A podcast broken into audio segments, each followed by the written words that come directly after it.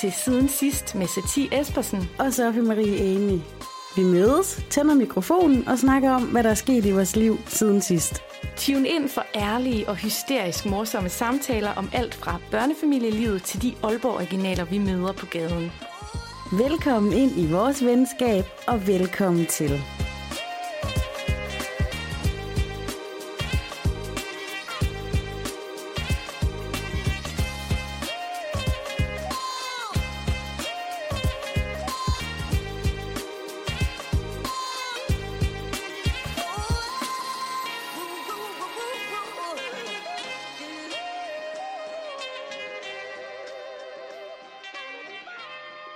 Er svært at åbne snakken. Hej. Hej. Og, og velkommen til, hvad jeg vil kalde en særudgave af siden sidst. Og øh, grunden til, at vi ikke bare lige sådan springer ud i det og siger, hej Sofie, hej Satie, som vi plejer, og måske har brug for lidt tænkepause, det er fordi, at øh, vi har valgt at prøve at snakke om det her Black Lives Matter movement, der er i gang lige nu. Øhm, og bare sådan en disclaimer allerede nu, at øh, det her det er jo en podcast, der handler om vores venskab, og det er en snak mellem venner.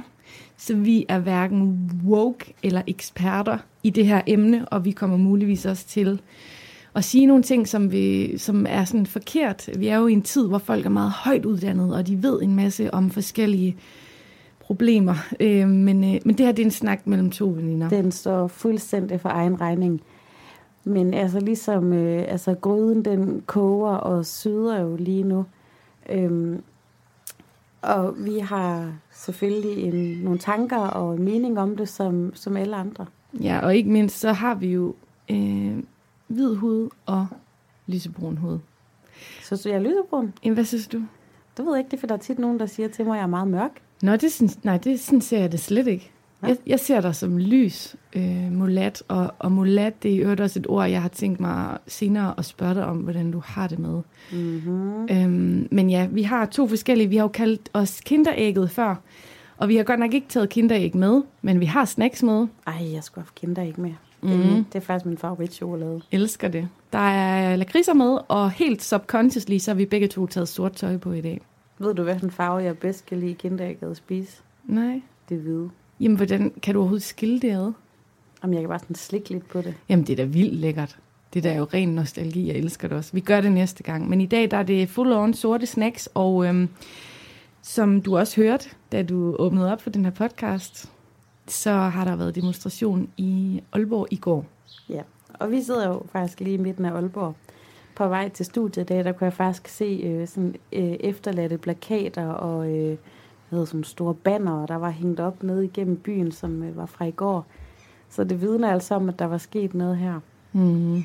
Og vi bor jo inde i centrum, så jeg, jeg så den store menneskemængde. Jeg, jeg var lige kommet fra arbejde, så jeg, jeg har mega travlt i den her uge. Jeg havde ikke tid til at møde op, men vi fik kuldegysninger øh, op i lejligheden. Vi åbnede vinduerne. Ejs, jeg stod og kiggede og spurgte, hvad laver menneskerne? Og, og Hisham var enormt imponeret.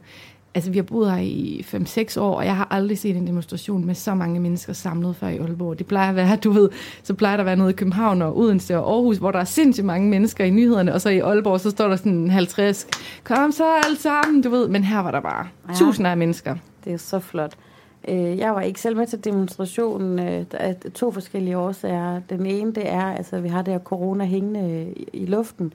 Og som jeg fortalte i vores sidste øh, podcast udsendelse, så har, ja, ja, øh, så har jeg jo en sygdom, øh, som er gigt, som egentlig er sådan ret velbehandlet, men det er stadig en autoimmun sygdom. Så jeg prøver at passe lidt på øh, og ikke øh, øh, fange noget. Mm. Øhm, Vi havde vores grunde til ikke at være der, men vi følger med, og vi støtter fuldstændig op, og jeg så de smukkeste videoer blive delt. Faktisk blev min egen video også delt af Black Lives Matter Danmark. Øhm, de gendelte den på Instagram, og af den vej, der så jeg så nogle andre videoer, der var delt fra Aalborg, og de rørte mig så meget, fordi det var somaliske piger her fra Aalborg, som... Åh, jeg kan slet ikke snakke om det. Det kan jeg virkelig ikke. Jeg er så rørt over alt det her. Altså somaliske piger med tørklæde på, og hele det her outfit, som vi kender dem for, som bare danser amok på Nå. afrikansk, altså på en måde, som vi aldrig ser somalier i offentligheden gør. Altså, som om, at de har fået et fucking wildcard og en tilladelse til at komme ud på gaden med deres kultur. Så, så det var bare de smukkeste videoer af, af, du ved, man har aldrig set somaliske piger øh, danse på den der åbne afrikanske måde, hvor at, du ved, man bare owner et offentligt rum. Altså det er sådan, jeg tror virkelig, der er mange mennesker, der er lettet lige nu, i forhold til at få en stemme og få fokus på noget, som er et kæmpe problem. Smukt. Ja, det var mega, mega smukt. Det, øh, jeg kan godt have lidt svært ved at lige nu finde hoved og hale, fordi der sker så meget, og sådan er det jo, når, når altså, det er lige nu, det hele sker, og det kan godt virke lidt overvældende, og på nogen også lidt overgivet, fordi racisme er jo ikke en ny ting. Øh, altså alt det her, det er jo noget, der har foregået hele tiden, så jeg tror også, mig selv og nogle andre tænker sådan, okay, men altså, men det er lige nu, og nogle gange, når der skal ske noget, så skal hele øh, bøtten simpelthen vendes på hovedet, og vi skal være mange om det. Og lige nu, der er rigtig mange på den her... Hov, der kom lige noget dårlig lyd. Øh, lige nu er rigtig mange på den her sag. Mm. Så det er også vigtigt at være med, føler jeg, fordi jo flere man er om noget, jo mere kan man udrette. Ja, og, og jo mere kan vi ændre. Øhm, vi kommer nok, jeg kommer nok til at smide om mig med sådan lidt citater. Det er lidt cheesy, og du har da nok også set det på Instagram allerede. Men Will Smith har jo sagt noget, der virkelig har givet gendyd. Og jeg ved jo, du kan lide Will Smith. Han siger han overhovedet nogensinde noget dårligt. Nå, men han har sagt, øhm, det er noget med, at der er ikke mere racisme nu, men det bliver filmet. Ja. Det bliver filmet nu. Han, han har sagt det på engelsk. Jeg kan ikke huske det ordret nu, men det handler i hvert fald om, at det er ikke fordi, der er kommet mere hate crimes og racisme. Det er simpelthen bare fordi, at nu bliver det filmet, så nu ser vi det.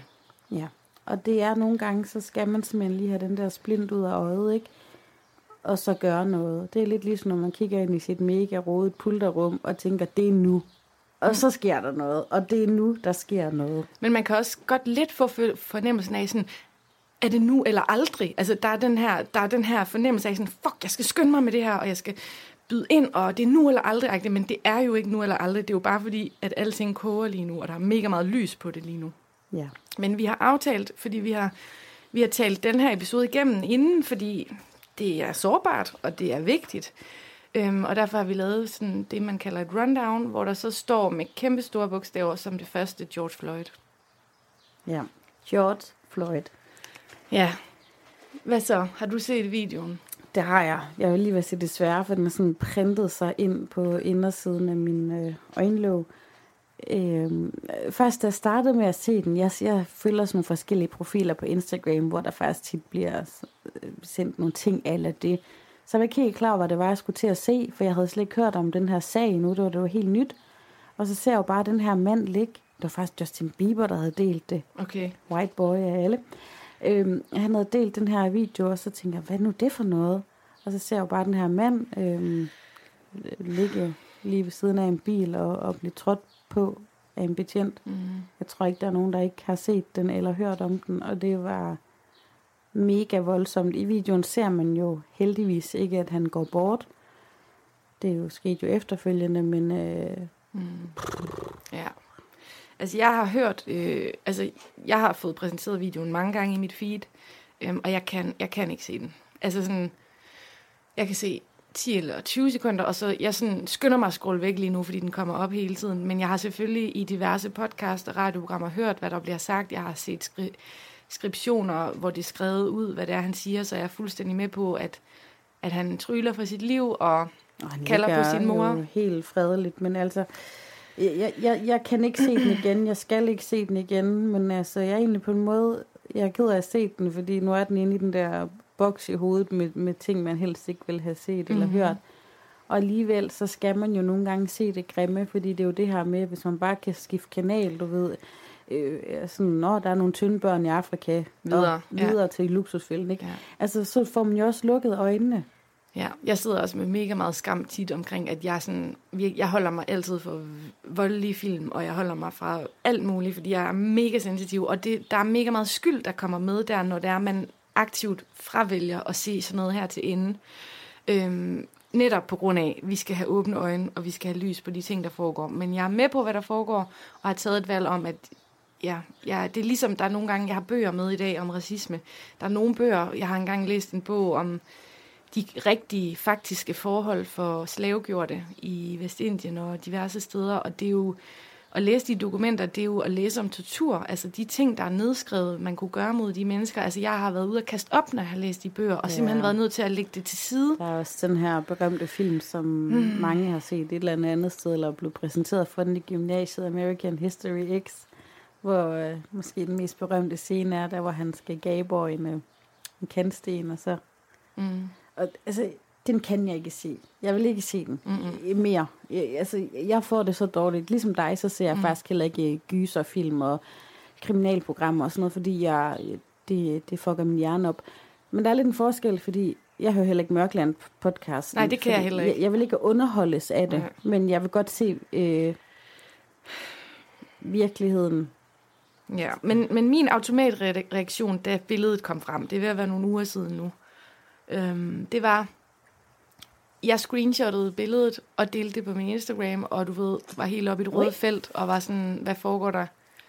Øhm, og fandt ret hurtigt ud af, faktisk via Lizzo's platform, fordi jeg følger Lizzo, og Lizzo har boet i Minneapolis, hvor det hele foregår, øhm, fandt ud af, at det ikke er velanset at dele altså mordet. Det er det heller Med billeder. Så jeg tog det mega hurtigt ned, efter et par minutter, tror jeg det var, og så i stedet for begyndt at ligesom raise awareness på andre måder, end at dele en stakkels mands sidste øjeblikke, ikke? Det er jo totalt respektløst i virkeligheden, men man gør det jo, fordi man vil have andre til at åbne øjnene for det. Øhm, så det var, det var mit møde med den video. Men, men hvad gjorde det så? Hvad gjorde det ved dig, Sofie?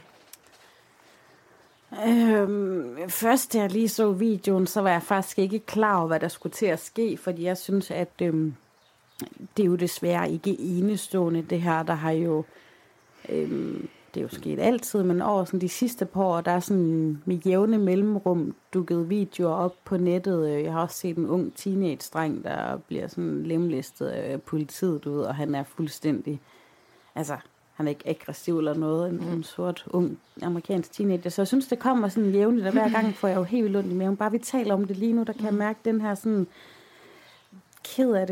følelse, som sådan lige solar plexus. Altså, jeg kan virkelig mærke det fysisk, mm. og det kan jeg også, når jeg ser sådan en film, men jeg var slet ikke klar over, at øh, hele verden, altså at den her corona-ting, hvor hele verden er sammen om et eller andet, at det vil fortsætte over i George Floyd Black Lives Matters, fordi det er jo også vigtigt at sige, nu er han blevet ansigtet, navnet på det her, men han er jo ikke den eneste. Der er jo mange ulykkelige skæbner, og det sker sikkert også et eller andet sted i Amerika lige nu, mm. ikke?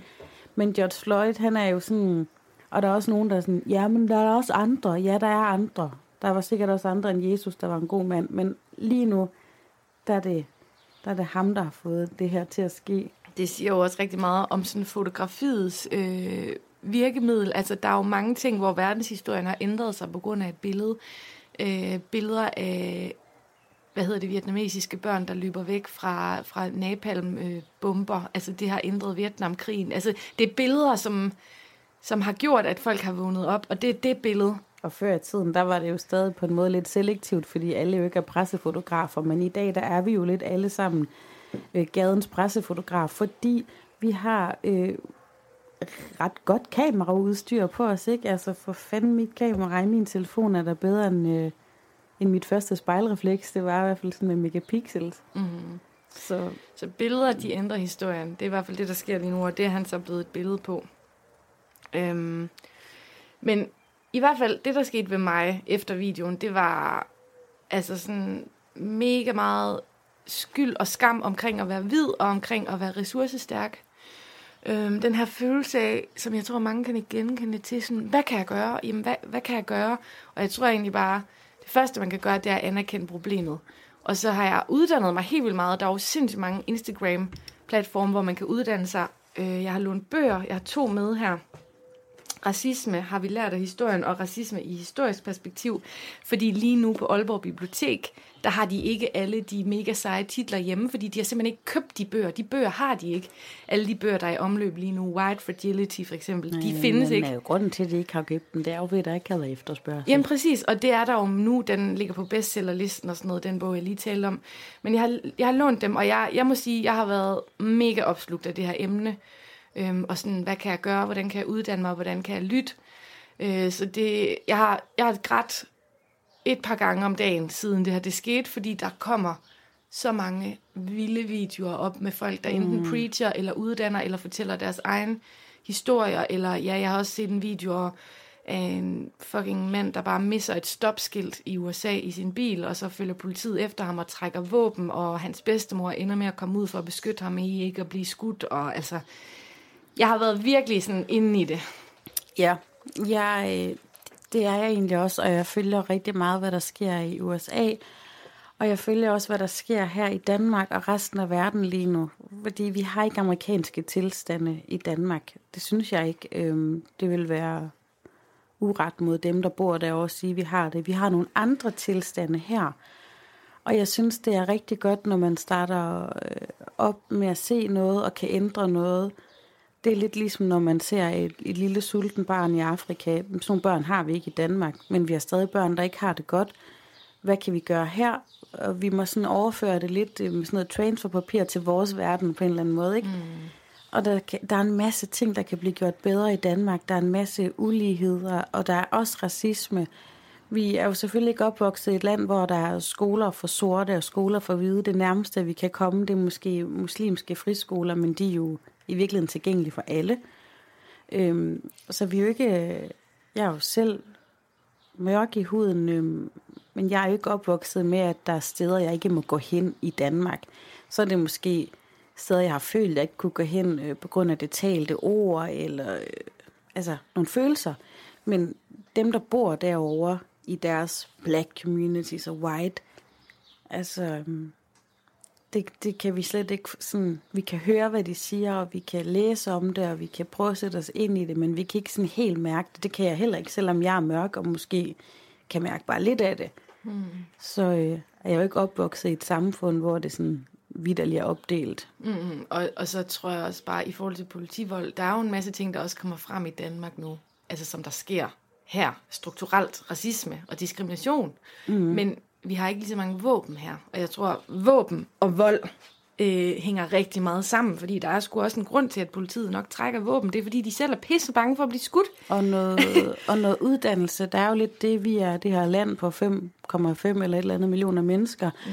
der har et politikorps. Så kan det selvfølgelig godt være, at der er en dårlig betjent i jeg ved det ikke, Nykøbing Mors og en bedre i Sønderborg og en dårligere i København, men vi har stadig en uddannelse, et politikorps i USA mm. i det her kæmpe land. Der er det jo ikke sådan en enhed, sådan er politiet, du ved, det er faktisk lidt forskelligt fra stat til stat, også hvor meget magt de har, og, og jeg tror altså også, at, at nogen sådan gadebetjentes uddannelse er mangelfuld i USA. Mm, ja. Det er helt sikkert to forskellige verdener, men det der også sker i Danmark lige nu og her, hvor du lytter med, og hvor du scroller rundt i dit feed, det er jo, at der kommer historier op om den strukturelle racisme, der finder sted i, i Danmark. Der brune mennesker fortæller, jeg har lige set i dag, at der er en, der deler, en muslimsk fyr fra Danmark, som deler, if you're not white, you're black. Han er super mange gange blevet kaldt sort, altså selvom han rent fysisk ikke er sort, men den her vilde, vilde opdeling af, at du enten kan være hvid, eller så kan du være noget i den her sorte minoritetsgruppe. Ja.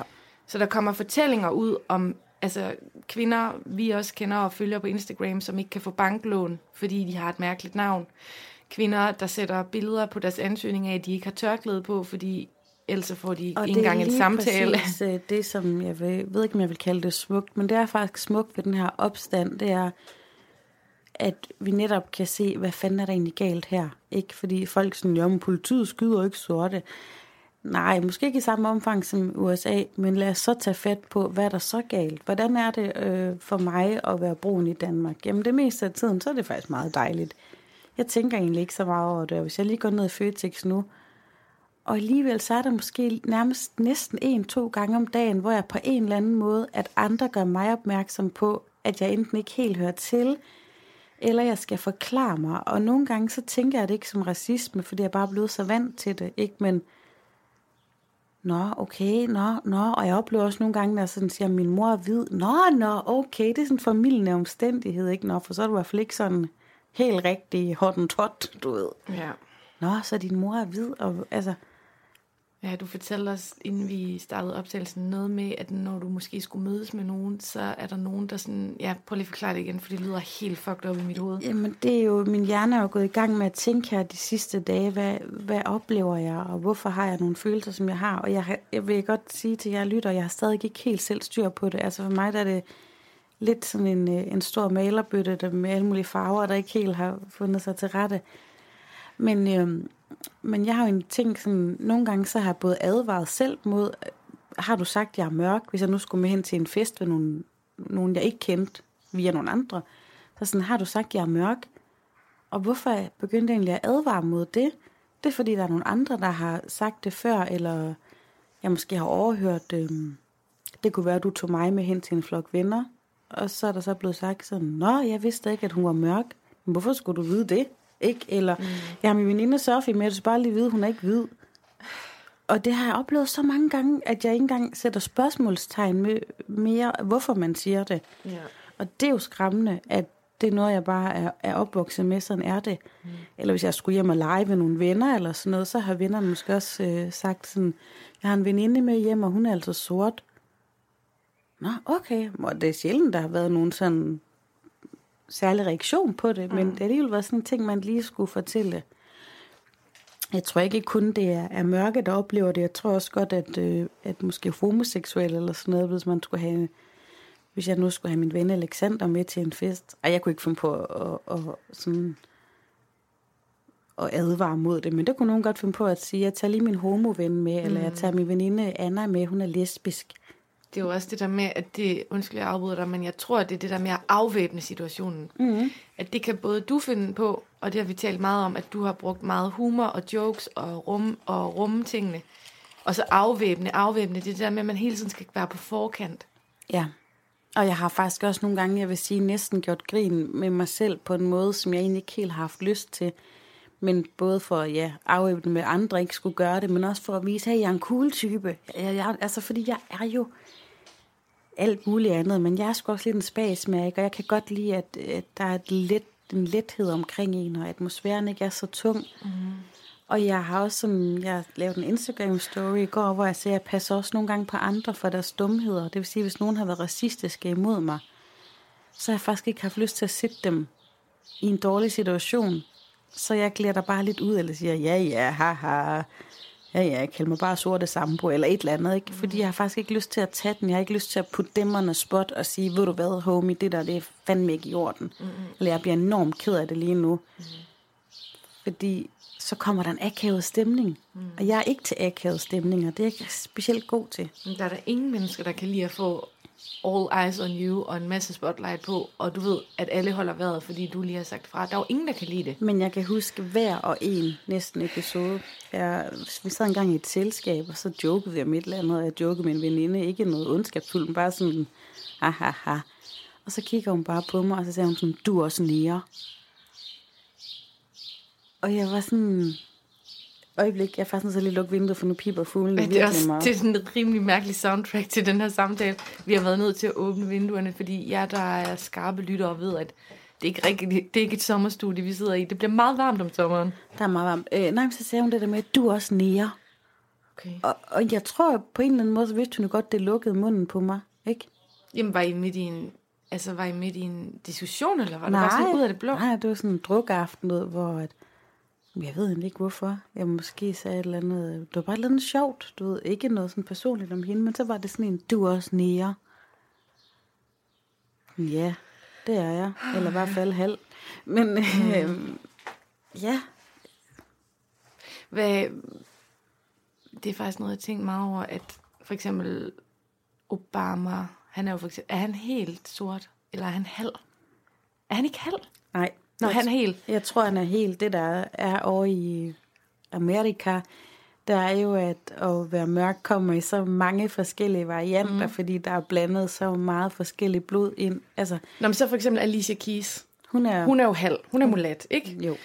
Men det jeg så tit har tænkt på fra et hvidt perspektiv, som er så mindblowing op i hovedet, det er, du er jo lige så meget hvid, som du er sort. Mm. Altså sådan genetisk, så kunne man lige så godt kalde dig hvid, som ja. man kunne kalde dig sort. Ja. Men det, der sker, det er, at du kun får prædikatet brun eller sort. Mm. Så altså, hvordan har du det egentlig med ordet mulat? Jamen, jeg personligt har det ikke svært med ordet. Øh, det er faktisk fordi, at jeg aldrig har oplevet det som noget negativt. Jeg har sådan oplevet det med, at det var, det var også det min mor, hun sagde, jeg har mulatte børn. Mm. Og jeg har bare sådan altid troet, at det var en blanding, en forklaring på, at en hvid og en sort havde fået et barn, og så fik mm. de en mulat. Ja. Og så er det jo senere hen kommet frem, der faktisk, altså, der er noget nedsættende i det, og der er nogen, der har det rigtig svært med at blive kaldt det. Men lige her i Danmark, mm. Indtil de måske sådan mere oplyste og uddannede kommer og fortæller os sådan, hey, det, der er nogen, der ikke har det godt med det der. Men jeg tror sådan, i det danske sprog, der er der ikke specielt mange, der siger mulat for at være, eller jeg tror faktisk nærmest ikke, der er nogen, der siger mulat for at være ondskabsfuld. Nej, man bruger det ikke som et nedsættende ord.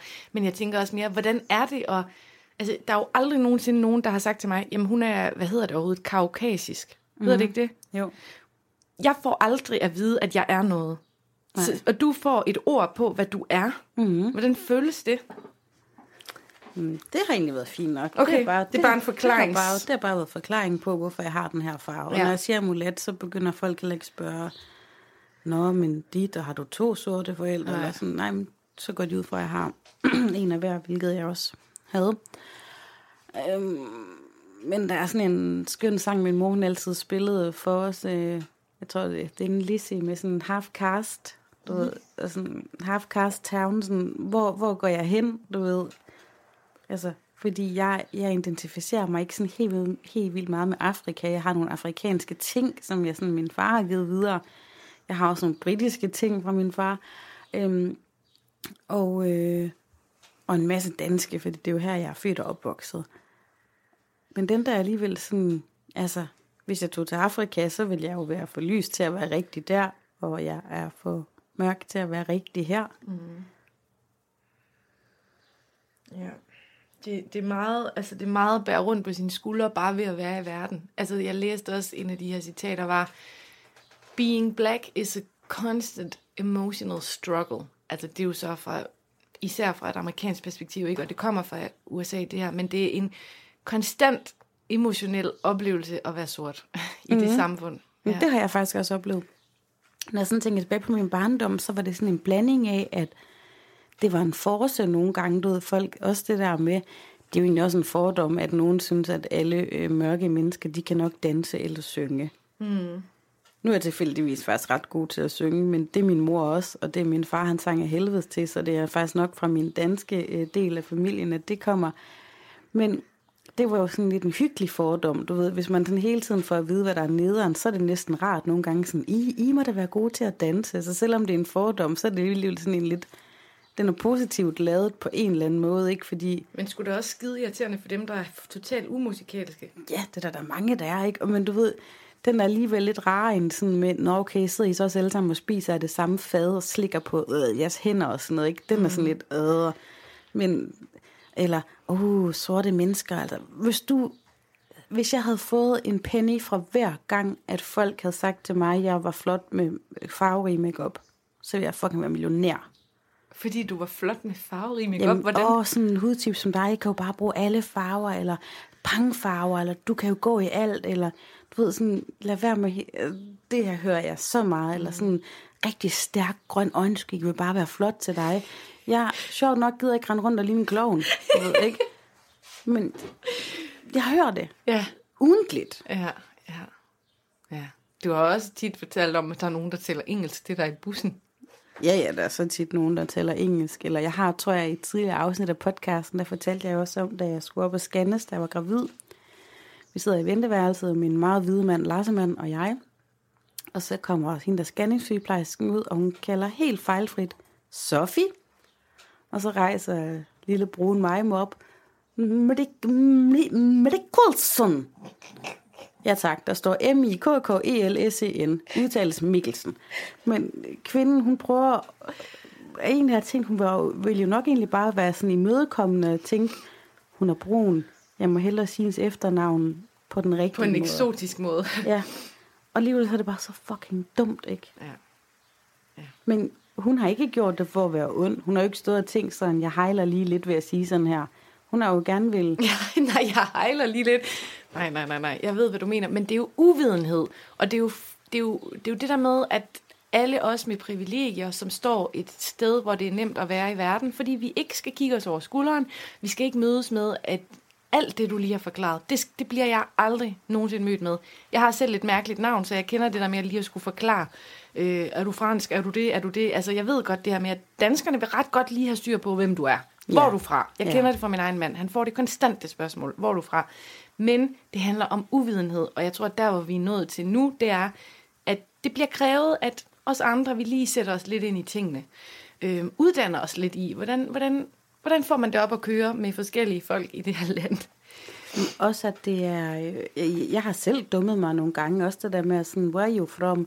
Men, øh, og det er jo egentlig også, og det er jo, vi spørger jo, fordi vi er nysgerrige, og vi spørger mm. også, fordi vi netop gerne lige vil sætte tingene sådan, sætte dem på plads, men også for at faktisk virke imødekommende, tror jeg, nogle gange. Og så er det sådan, så er det første bare sådan, Nå, you from Syria, eller et eller andet, ikke? Og så prøver man sådan på gebrokken lidt eller andet, men...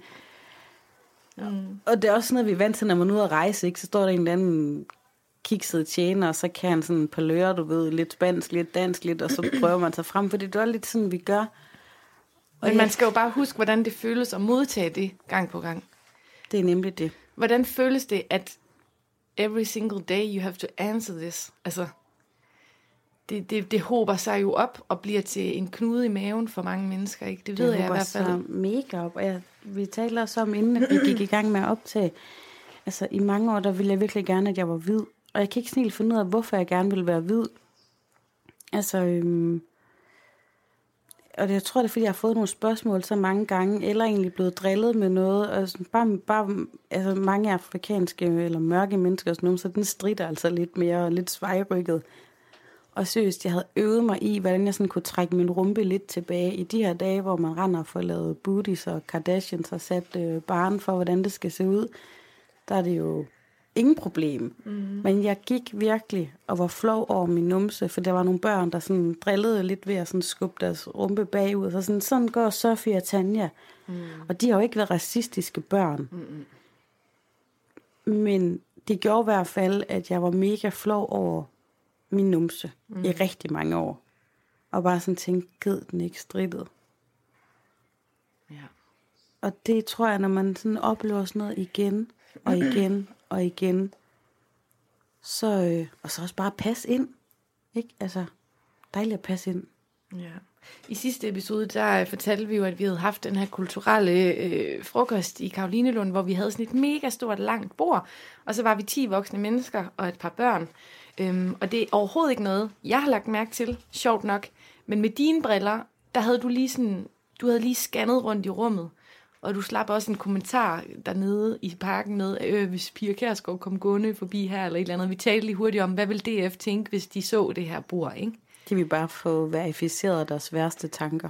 Jamen, prøv lige at forklare sådan, fra dit synspunkt, hvad er det, der sker, når du kigger rundt?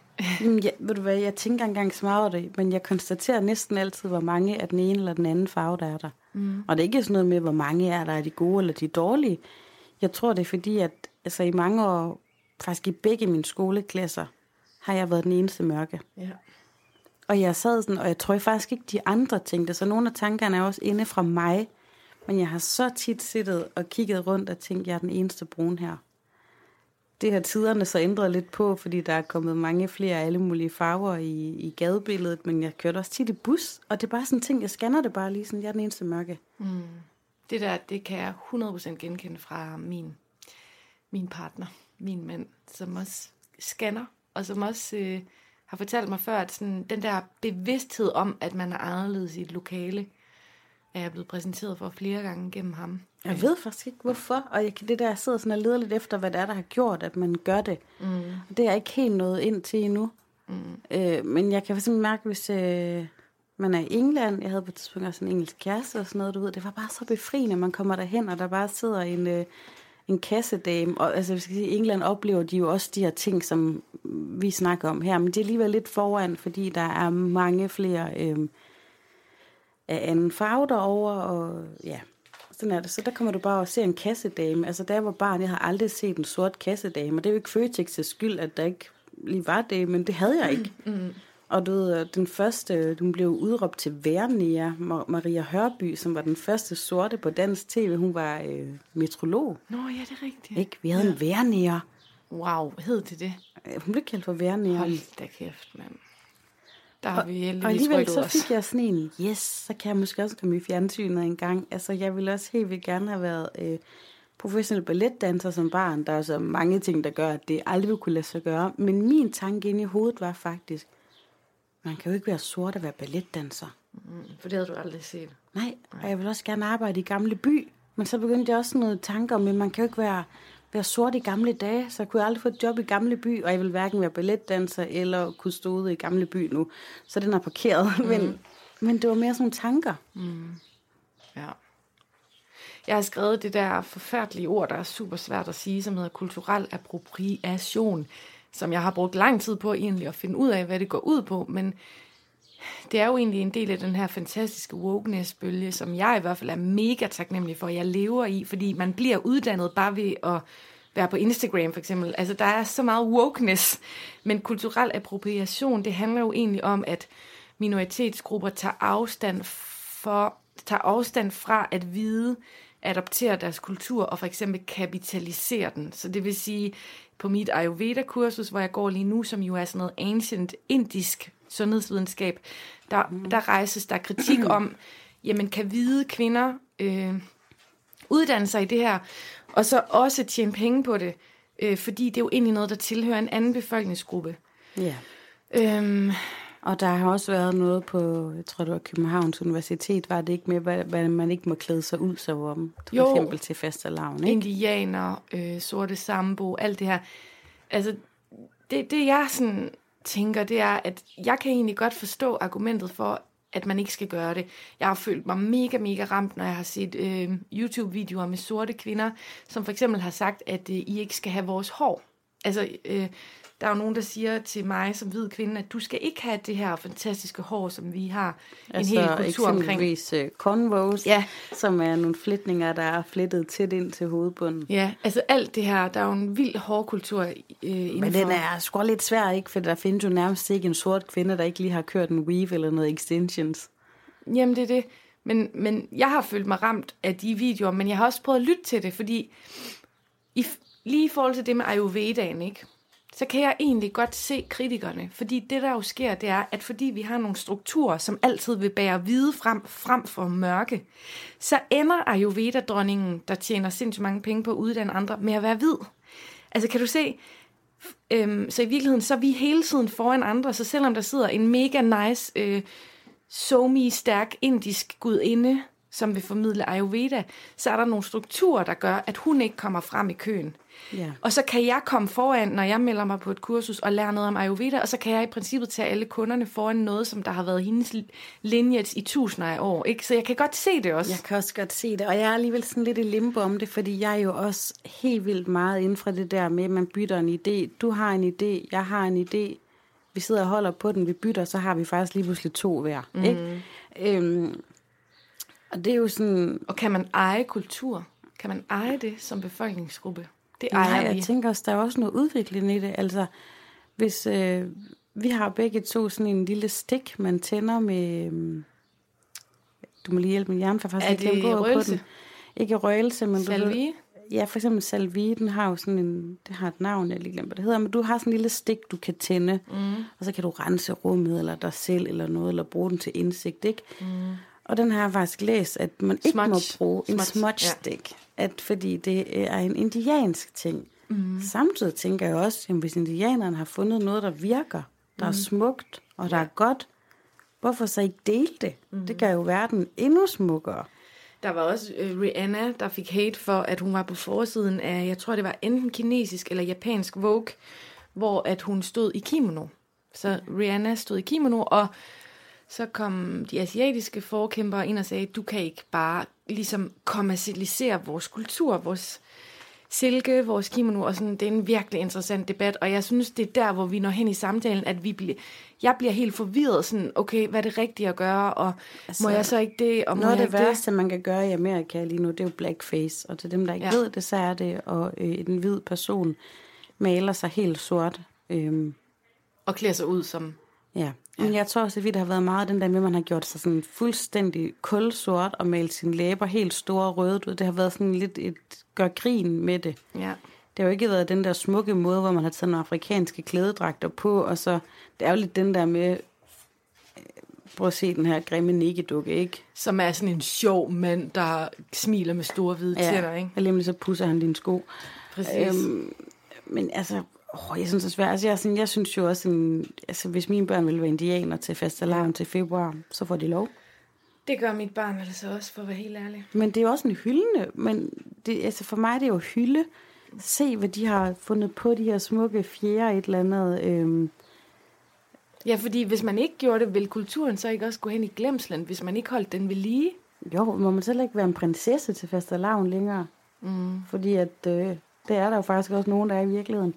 Men tit så er det jo også dem, der råber op om det. Det er jo mennesker, der er presset ned i forvejen. Jeg, jeg så noget forleden, hvor en sagde sådan, ja, men der er også nogen, der går grin med politiet. Og så var der en, der skrev en kommentar, eller ja, men det er også lidt noget andet at gøre grin med dem, der sidder på magten, end dem, der ligger under. Mm. Og det er også rigtigt. Det er, det er lidt at træde på nogen, der ligger ned. Ja. Men den er æder på svær. Den er svær, men i det mindste så er der kommet noget debat om, at man skal tage stilling i de her spørgsmål, og der er nogen, der har en anden virkelighed end den, vi har. Øhm, skal man så egentlig også stoppe med at købe ting på AliExpress? Hvad er det egentlig? Det er bare lidt sådan noget wish-agtigt Kina. er det fordi, at, Ali, altså, at det er nedsættende? Nej, den hedder bare Ali, nej, AliExpress. Det er bare sådan en Kina-platform. Nå. Men det værste er, når sådan nogle her ting opstår, så bliver jeg også i tvivl om alt, hvad jeg siger. Du ved, det bliver mm. også sådan en tid, hvor man næsten ikke kan gøre noget rigtigt. Ved du altså. Du kan tage en lakrids. Ja, det gør jeg sgu lige. en sort lakrids. Mm.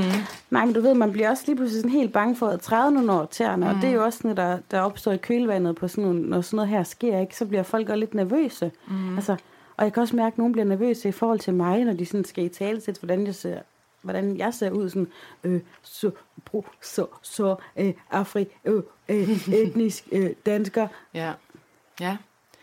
Men øh, jeg vil fortælle, at øh, i lyset af, at jeg jo har læst nogle bøger nu, og for eksempel har fundet ud af, hvad det her white fragility er. For jeg tror, det du lige nævnte der med, at hvide mennesker for eksempel ikke helt lige ved, hvad de skal gøre. Øhm, der er også mange hvide, der vil være sådan, hold da fast, jeg er i hvert fald ikke racist. Mm. Men, men det, der egentlig sker, har jeg fundet ud af, det er, at man fratager øh, brune eller sorte menneskers perspektiv, når man lynhurtigt gør sig selv til center eller offer for kritik. Så i stedet for at blive ved med at lytte, og blive ved med at lytte på dit perspektiv omkring, hvad du oplever. Hvis jeg nu gik ind og sagde, jamen Sofie, det er bare fordi, de er nysgerrige. De vil bare gerne vide. Altså, når jeg går ind og gør det, så gør jeg mig selv til center, og jeg begynder ligesom at beskytte mit bagland og min hudfarve, fordi det er så ubehageligt for mig, at der er nogen, der kan være uoplyste eller små racistiske.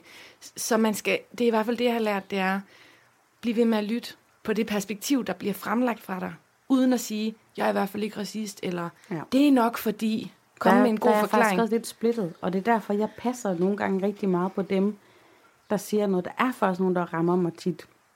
Når en kvinde i bussen, hun øh, begynder at spørge min svigerinde om, om min barnevogn, og min svigerinde spørger, hvorfor spørger du hende ikke selv? Og damen så siger, hun forstår nok ikke dansk. Mm. Eller hun forstår jo ikke dansk, faktisk ja. helt konstaterende så begynder jeg også at passe lidt på hende, for jeg kunne virkelig godt have puttet hende under spot der. Ja. Men du ved, jeg vil heller ikke gøre hende ilde til mode. Nej. Det synes jeg bare er et enormt stort ansvar, du skal sørge for. Altså, ja. mange af de ting, du har siddet og fortalt, altså, jeg får tårer i øjnene af mange af de ting, du fortæller. Det er jo, det er jo en virkelighed, du bærer rundt på, som os andre ikke engang skal tænke på. Altså sådan, hvorfor fanden skulle du passe på hende? Ja, så er det også, man aldrig sådan helt ved, hvornår næste angreb kommer. Men det, altså, det er ikke finde mit liv, det er sådan et stort ynkelighedsnåde. Nej, overhovedet ikke. Men altså, Sofie Linde, hun bad først forleden, hun gav platform på sin Instagram-profil, hun har mange følge, hvor hun skrev, at hvis man havde oplevet noget racistisk, eller hvordan man oplevede racisme, så mm. vil hun gerne dele det. Og normalt så er jeg ikke sådan, der lige skriver sådan noget eller ned. Jeg gør det faktisk ikke, men jeg skrev faktisk min sådan første rigtig oplevelse, hvor jeg sådan var klar over, at det var decideret racisme. Den skrev jeg, og så delte hun den faktisk. Og det var, øh, jeg ved ikke, om jeg nogensinde har fortalt dig det, men jeg kom gående i Jærgårdsgade. Min far han boede jo inde i byen, min faster. Og så øh, kommer mig og min søster gående i Jærgårdsgade, øh, ved ikke, vi skal ned og købe en is eller en trøffel eller et eller andet.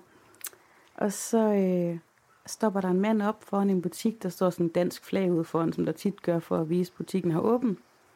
Og så siger han sådan, kan du se det her flag? Og så siger jeg sådan, ja, 8 år gammel. Så han, det er et dansk flag, Danmark for danskerne. Og vi kunne godt sådan have fornemme i hans toneleje på mig, men synes, at han var sådan lidt aggressiv, men vi forstod det faktisk ikke sådan helt. Og alligevel kunne vi godt mærke, at han var ikke rar.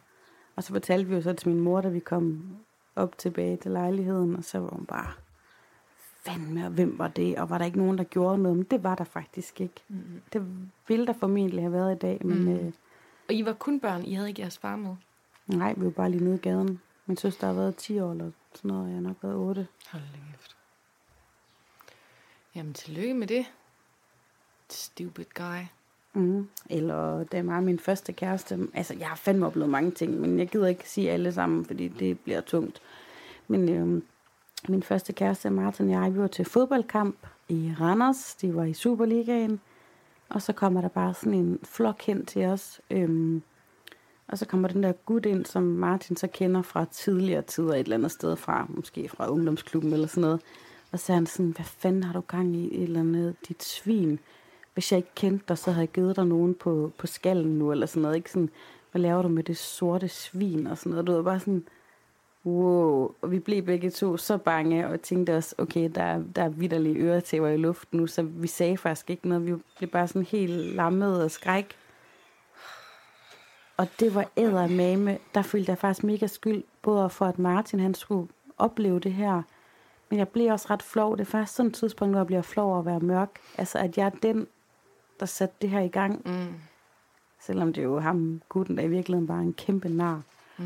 Men øh, jeg tror næsten ikke, der er nogen, der ikke har været i et hvid, mørkt forhold, som ikke på en eller anden måde har oplevet. Har du ikke oplevet det? Jo, altså det jeg i hvert fald oplever, det er, at øh, i rigtig mange situationer bare bestille en shawarma sammen med Hisham og min lille familie, eller altså sådan, der er rigtig mange, der har en holdning til, altså både rigtig meget, hvor du er fra, og i og med, jeg ved, at Hisham har det ret svært med det spørgsmål, hvilket mange har. Google det, så kan du læse om, hvorfor det spørgsmål kan være svært, selvom du spørger om det nysgerrigt. Så det får han tit rigtig meget. Og så også bare sådan i alle mulige offentlige, altså vi har haft en rigtig træls oplevelse ved vores læge, hvor vi var til tre års undersøgelse med Aisha. Og lægen begynder at gå ind over vores grænse for, hvorfor har du ikke, øh, Hisham, øh, eller hun sådan til faren, sådan, hvorfor har du ikke lært hende det her sprog, og du ved, Altså hans oprindelige sprog? Ja, altså sådan noget med, at du skal tale det her sprog med hende. Det vil være godt, hvis du lærer hende fransk, for eksempel. Der bliver ikke sagt, det vil være godt, hvis du lærer hende arabisk eller marokkansk. Men i Marokko taler man jo også fransk. Altså det der med, at der er nogen, der har sådan en holdning til måden, vi kører familie på, måden, vi taler sammen på. Vi taler jo dansk-engelsk derhjemme. Hisham er meget stolt, og det er Aisha også over, at han siger, jeg taler babydansk. Altså han taler jo dansk, men men han taler også engelsk, når han skal sige noget mere vigtigt, ikke? Mm. Eller skændes med mig, for eksempel, så foregår det på engelsk. øhm, så det der med, at der er nogen, der har holdninger til måden, vi lever på, de valg, vi har taget. Øhm, det navn, Aisha har, hun har jo et af de mest brugte muslimske navne i hele verden. Der er millioner af mennesker, der hedder Aisha. Øhm, men altså, jeg har faktisk været nødt til at en aften, da Aisha var puttet, så har jeg været nødt til at sige til Hisham, at jeg helt gerne vil snakke med ham. Og han var sådan, hvad? Har du haft en affære? det var det første. Sådan, er det noget med en affære? Altså, det var for sjov, ikke? Men du ved, jeg var sådan lidt, hey, jeg vil faktisk gerne sige noget til dig. Um, og jeg føler, at jeg har været nødt til at give ham en undskyldning.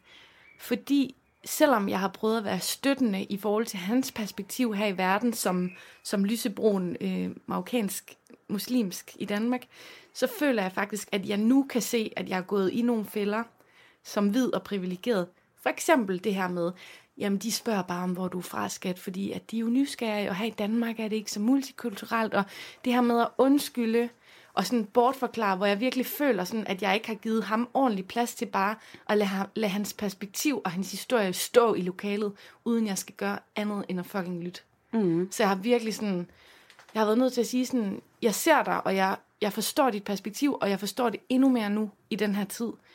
Øhm, jeg har for eksempel også hørt podcasten A Seat at the Table, og mange af de ting, som de kvinder taler om, det er noget, som jeg hører Hisham forklare. Og mange af de ting, er- du siger, er siger nogen, han der, også. Den kan faktisk anbefales at lytte. Det er, det er tre københavnske kvinder i tre forskellige nuancer af mørk. Ja, Rigtig god podcast. ja.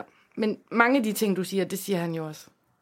Og, og følelsen af, altså noget, som har været helt vildt abstrakt for mig at fatte, det er følelsen af, at man bare ved, at nogen er racistiske. Mm. Det ved jeg også. Og jeg kan ikke engang helt sådan lige nu forklare det, men eksempelvis min veninde Sara, hun er adopteret fra Colombia og er mørk. Vi var en genbrug på et tidspunkt, og der var bare sådan en gammel genbrugstusse, der futtede rundt efter os, fordi det var helt tydeligt, at hun tænkte, de render rundt og tager noget. Ja. Hvad fanden laver de cigøjner i min biks? Øhm, og, jeg, og vi kunne begge to mærke det, og vi Ja. vidste bare, altså vi bagefter sådan, og kunne du også mærke det? Yes. Og vi, vi ved ikke engang, hvorfor vi kan mærke det, men grunden til, at vi kan mærke det, er jo, fordi vi har prøvet det så mange gange. Præcis. Ikke? Eller, Følelsen, det jeg kan bare fået fortalt, det er følelsen af, at nogen kigger på dig meget mærkeligt, når du i telefon taler dit eget sprog. For eksempel. mm, Følelsen af ikke at kunne klatre op af karrierestigen på en arbejdsplads. Følelsen af aldrig at blive kaldt til samtale. Ja, det er jo også, altså, og det hører man jo gang på gang på gang, og der har også været lavet eksperimenter her i Danmark med, at den samme velskrevet ansøgning er sendt med to forskellige navne, og den ene bliver kaldt til samtale, og den, der så Amdul et eller andet på, kommer ikke. Det er jo skræmmende, og jeg tror endda muslimer, nu taler vi meget Black Lives Matter, som jo sådan mere sådan, sådan afrodelen, Mm. men at være muslim, det er noget helt andet, fordi jeg oplever også nogle gange, at det er en formidlende omstændighed. Folk sådan, om var din far muslim? Nej, nej. Nå, okay, okay, okay, så, så kører alt, ikke? Altså, Ja. Det er enormt stigmatiseret lige nu at være muslim jo, hvor at det måske i virkeligheden er meget sådan objektificeret at være mulat eller sort. Altså det er noget, som mange mænd vil gerne prøve, en sort pige, og alt det her, det er jo forfærdeligt, men det er jo nærmest blevet gjort til noget eksotisk og godt. Ja, altså jeg havde engang en datingprofil. Mig hele min gamle opgang, vi var sgu på dating, du, det var pisse hyggeligt, så kunne vi sidde og sammenligne mændene derinde. Men der kom sådan faktisk adskillige klamme beskeder, som selvfølgelig bare fik en blokering. Mm. Øh, sådan noget med sådan, jeg har hørt, hvis man skiller en mørk kvinde lidt ad, så hun lyserød indvendigt og sådan noget ja. sindssygt klamt seksuelt, Ja, hvor jeg bare tænkte, Ørk, ja. ikke? Det er noget, der skal prøves, fordi det sådan er blevet eksotisk. Ikke? Hvor at det, det tror jeg sgu ikke, du oplever som muslimsk kvinde, muslimsk kvinde, at, du, at der er nogen, der gerne vil have sex med dig, fordi du har tørklæde på. -agtigt. Det er enormt stigmatiseret. Øhm, Også den der med, jeg kæft, jeg har også mange gange hørt sådan, åh, jeg vil vildt gerne have brune børn. Altså, jeg gider altså ikke have en sort mand, men jeg vil gerne have brune børn. hvad fanden, altså hvad fanden, det er også noget mærkeligt noget at sige, synes jeg. Det synes jeg altså. Synes du ikke det? Jo. Og det værste er, at jeg har hørt så mange mærkelige ting, at det er blevet normalt for mig. Ja, Det, blev- som jeg også siger øh, tidligere her i udsendelsen, mange af tingene, de er desværre blevet normale for mig. Det er blevet normalt, at, at, at jeg hører nogle sådan gamle damer fris i bussen, som, ja, sådan nogen som dem, de kan aldrig finde ud af at rejse sig. Jo, det kan jeg godt, men grunden til, at jeg faktisk sidder lige nu, det er, fordi jeg lige blev opereret af mit knæ. Du ved, men ikke, men også sådan nogen som dem. Men så har jeg også tit følt ansvar for sådan at skulle, på sådan på klingende jysk nærmest være sådan, nej, men jeg sidder ned, fordi jeg har dårlige ben, du ved, så skal jeg nærmest Ja. sådan, spille dansk. Ja, og der er Overspil. fandme også nærmest nogle gange, hvor jeg føler, at, sådan, at jeg er sådan en, der hjælper med at, at sådan, gøre muslim, eller gøre racister, sådan ikke racister, ved sådan nærmest, du ved, jeg kan hele kongerækken, du ved, jeg kan sikkert flere salmer end de fleste mennesker. Mm. Så sådan, sådan en eller anden gammel dame, hun ser sådan et brun menneske, der kan salmer, så, så har jeg nærmest haft sådan en iv håb om, hun går hjem og siger sådan, der er altså nogen af dem, der godt kan, kan dansk, du. Mm. Så har jeg nogle gange følt sådan et ansvar for, at jeg nærmest skulle afracistificere folk. Ja. Vi har også prøvet, at øh, vores nabo jo har sagt i forbindelse med noget med nogle sko, der ikke må stå ude på trappen, og så sagt til Hisham, jeg ved godt, hvad du er for en. Ja. Ikke? Og sådan, okay, og hvad, hvad er det for en? En mand med et godt job. Ja, med en fucking lækker kone. Jeg har også hørt, at de skulle være store, sådan nogle afrikadiller. Nej. Ej, men altså, ja. Men så vi, øhm, vi, vi har lavet den køre i dag, fordi normalt så plejer vi jo at lave en udsendelse, der er sådan 40-45 minutter, som lige passer til at pendle. Men vi er oppe omkring en time nu, og jeg tænker, at det sidste, vi måske kan snakke om, det er det her med vores børn. Vores, øh, jeg, har, jeg har en pige, som er lys i huden, men har nærmest sort hår. Og jeg får tit at vide på legepladser, hvis jeg sidder der alene og med hende. brune øjne, hvilket Brune du også øjne. har, så tit. Ja, der er tit nogen, der er sådan, hun har da vist en, en eksotisk far. Altså, det bliver tit adresseret, synes jeg, at, at Aisha ser anderledes ud. Mm. Og hvad med dine børn? De er også meget lyse i det. Ja, særligt den ene. Hun har jo blå øjne. Ja. Øhm, og jeg er faktisk sådan, da hun var helt lille, der skulle jeg faktisk vende mig lidt til at have fået sådan en bleg barn. Mm. Var lidt specielt for mig, for jeg altid tænkte, at jeg ville få sådan nogle meget mørke børn. Mm. Og så har jeg fået en lille blåøjet pige med mørkt hår. Ja. Og nok, ej, hun er ved at blive lidt brun nu faktisk, men ellers har hun været virkelig, virkelig mælkehvid. Og en ting var faktisk, at næste gang jeg mødte nogen, så blev det også i tale sat, hvor hvid hun var. Så jeg havde faktisk lidt i starten, der kom igen det der afvæbne, hvor jeg sagde sådan, ja, hun er så bleg. Mm. Fordi det var det eneste, folk sådan kommenterede, når de så mit lille nyfødte barn, det var, hvor bleg hun var. Ja. Så begyndte jeg faktisk nærmest selv at sige sådan, ja, jeg har fået en lille blegfis. Mm. Som jo egentlig, altså, det fyldte faktisk ret meget, da hun var lille. Mm. Og samtidig har jeg også nogle gange tænkt sådan, ej, de får det lettere end jeg. Ja. Det er sådan ret skræmmende at tænke sådan, tænk, tænk Kaja, hun kan faktisk gå for at være hvid, når hun bliver stor. Det bliver dejligt for hende, har jeg tænkt. Ja. Og det er jo skide ærgerligt, jeg ikke bare, altså jeg er også glad for min farve, faktisk. Mm. Jeg er ikke sådan ked af det mere, men kæft, hvor har jeg brugt mange gange på at tænke, hvor, hvor lettere det bare ville være, hvis jeg havde glat hår og var hvid. Mm. Og det har jeg sådan faktisk været næsten taknemmelig for, at mine børn nok ikke skal opleve. Ja. Det er jo også derfor, at man for eksempel ser nogle muslimske familier, der ikke vælger klassiske muslimske navne, men vælger navne som Natasha og ting, altså ting, som er sådan igen afvæbne i, i Danmark, ikke? Der er så også en, øh, som jeg kender til fra Aarhus, øh, der har haft børn i min søsters, der var hendes børn også går i institution. Faktisk en sanger, Jos. De har en søn, der hedder Ali. To hvide mennesker. Mm. Jeg synes, det er meget smukt. Ja, det er det da. Det vil da også helt sikkert hjælpe. Men min største frygt, det er i hvert fald det her med, vi gav jo bare Aisha navnet. Altså jeg føler sådan helt naivt, hun skulle da hedde Aisha, fordi det hed Isha, Hishams fantastiske bedstemor. Jeg tænkte overhovedet ikke, jeg tillagde ikke i 2015, nej i 2016, da jeg var gravid, der tillagde jeg det ikke rigtig nogen betydning at, med et muslimsk navn. Men min værste frygt, det er, at det bliver, at det er et stigmatiseret navn. At det bliver det på sigt. Jeg Øhm. håber, det bliver afstigmatiseret, ja. at de her tider, det gør, at det er family mom, der hedder Faduma, eller Mette, Ja. eller... Altså i mange år var jeg også ked min mor havde givet mig navnet Sofie, og det er egentlig ikke, det specielt afrikansk. Det var bare sådan, mor, jeg er både brun, har krøller, og et fucking mærkeligt navn. Du ved, jeg kunne slet ikke Hele paletten. ja. Men i hvert fald, altså, jeg er ret fortrydningsfuld omkring, at vores børn og de kommende generationer, de kommer til at få fuldstændig styr på det her. Med lighed og med, hvordan man adresserer ting, og hvad man ikke siger længere og alt muligt. Men på ens egen børns vegne, der tænker man da over sådan noget. Ja. Hvad de måske vil komme ud for. Jeg håber sataneme, som en eller anden Michael Jackson sang, at uh, make it a better place. Mm. Det skal det blive, og indsatsen, den starter altså lige her ved en selv. Ja. Tusind tak for snakken, Sofie. Og tak for at dele alle dine historier. De går fandme lige i maven. Og jeg har også haft tårer i øjnene Ja, du har siddet med tykke våde øjne. Ja. Jamen, Ja. øh, i lige måde, min ven. Og lad os håbe, at det faktisk øh, ikke bliver så nødvendigt med de her snakke Ja. igen. Det tænker jeg heller ikke. Min drøm, det er sådan lidt, at uh, MeToo-forkæmperne og trans øh, og alt det her LGBT-forkæmperne, og så Black Power og alt det her, at de alle sammen går sammen, og så bare siger sådan, hey, major- majoritet mennesker, time is up, vi skal have nogle lige rettigheder over hele linjen. Jamen, jeg tænker bare, det der med at bare blive menneske. Altså, jeg har jo også gode venner, der er transkønnede. som- Altså, jeg har gode venner, der er nærmest både det ene og det andet. Mm, At det virkelig, virkelig bare bliver, det er et menneske. præcis. Ikke? Det er det, vi skal hen til. I virkeligheden så havde vi en masse andre spændende siden sidste historie at gribe fat i i dag. Jeg har for eksempel sagt op. What? Og vi har sat hus på pause. What? Jeg, Men, har, øh, jeg har taget en snak med Fuck Fuck manden. What? har du det? Altså om det her? om podcasten. Er det rigtigt? Faktisk i går, der inviterede jeg ham til at... øh, Jeg kunne se, at han ikke helt forstod, hvad det handlede om, men han sagde ja. Og det eneste, han sagde sådan, og det er gonna be in English. Så sagde Ja. jeg sådan, ja, ja, of course, no problem. Ja.